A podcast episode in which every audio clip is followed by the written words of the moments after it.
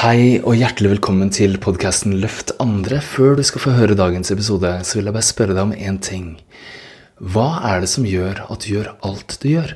Altså, hva er den drivkraften bakenfor absolutt alt du gjør i løpet av en dag? Jeg tipper, min venn, at det er at du vil føle deg bedre. Og kanskje enda dypere at du vil kjenne på en indre ro, på en glede, på en frihet, kanskje til og med på kjærlighet. At det ligger bakenfor alt.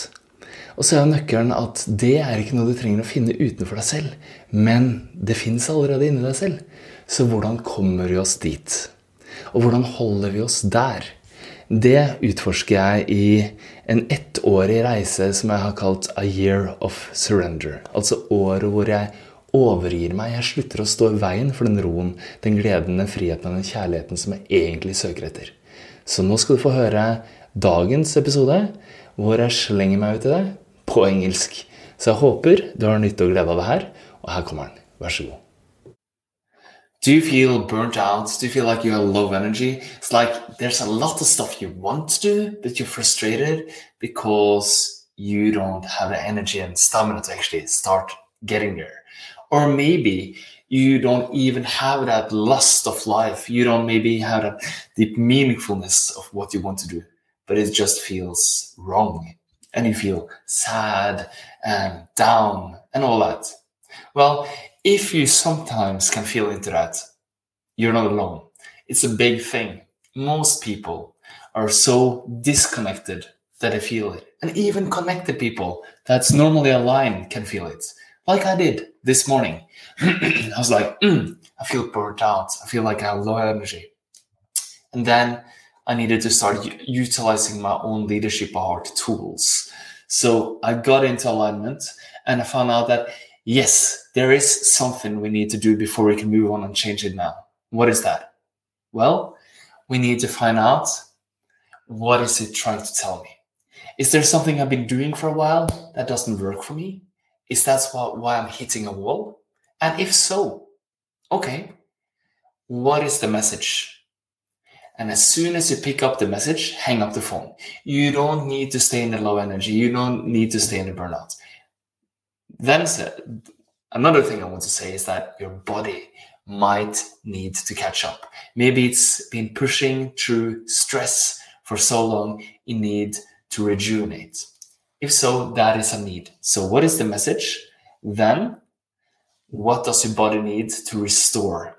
Then, your mind doesn't need to live there because right now, feeling low energy, feeling burnt out, that could be a symptom, like an aftermath after what happened before. Before is in the past. Right now, you can have this magic scissor, and as soon as you know what's the message, what needs to change for you to be thriving and living in abundance of joy and bliss and love and freedom and ease and vibrant energy.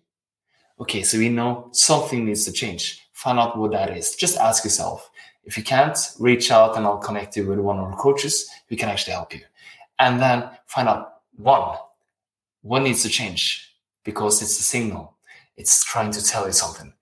Number two, what does my body need now? Maybe it's a nap. Maybe it's a schedule of naps every day. Maybe it's a day off or a week off. Maybe it's a walk in nature. If you can do nature, that would be the best. So that is to get yourself back.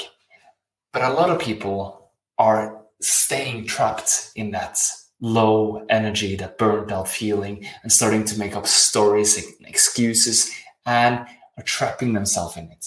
You don't have to. You're here right now. So you can have these magic scissors. And then we cut off the past. And we let go of it. We surrender it. And we become who we're meant to be. In this moment, there is something in you. In this moment, that is already calm. That is already love. Everything we long for. The joy, the freedom, the wisdom, the energy, it's unlimited. So you just need to connect to it. Now that you don't have a past to drag along, you're free. Free to go take a nap, free to do a meditation, free to go for a walk, free to give someone a hug, free to reach out and support someone because the act of supporting and lifting someone up fills you with love and joy and energy. And yes, and now the future is bright because everything you long for is longing for you. Now it's time to move on. That's my message for you. You can stop this pattern of low energy and burnt out.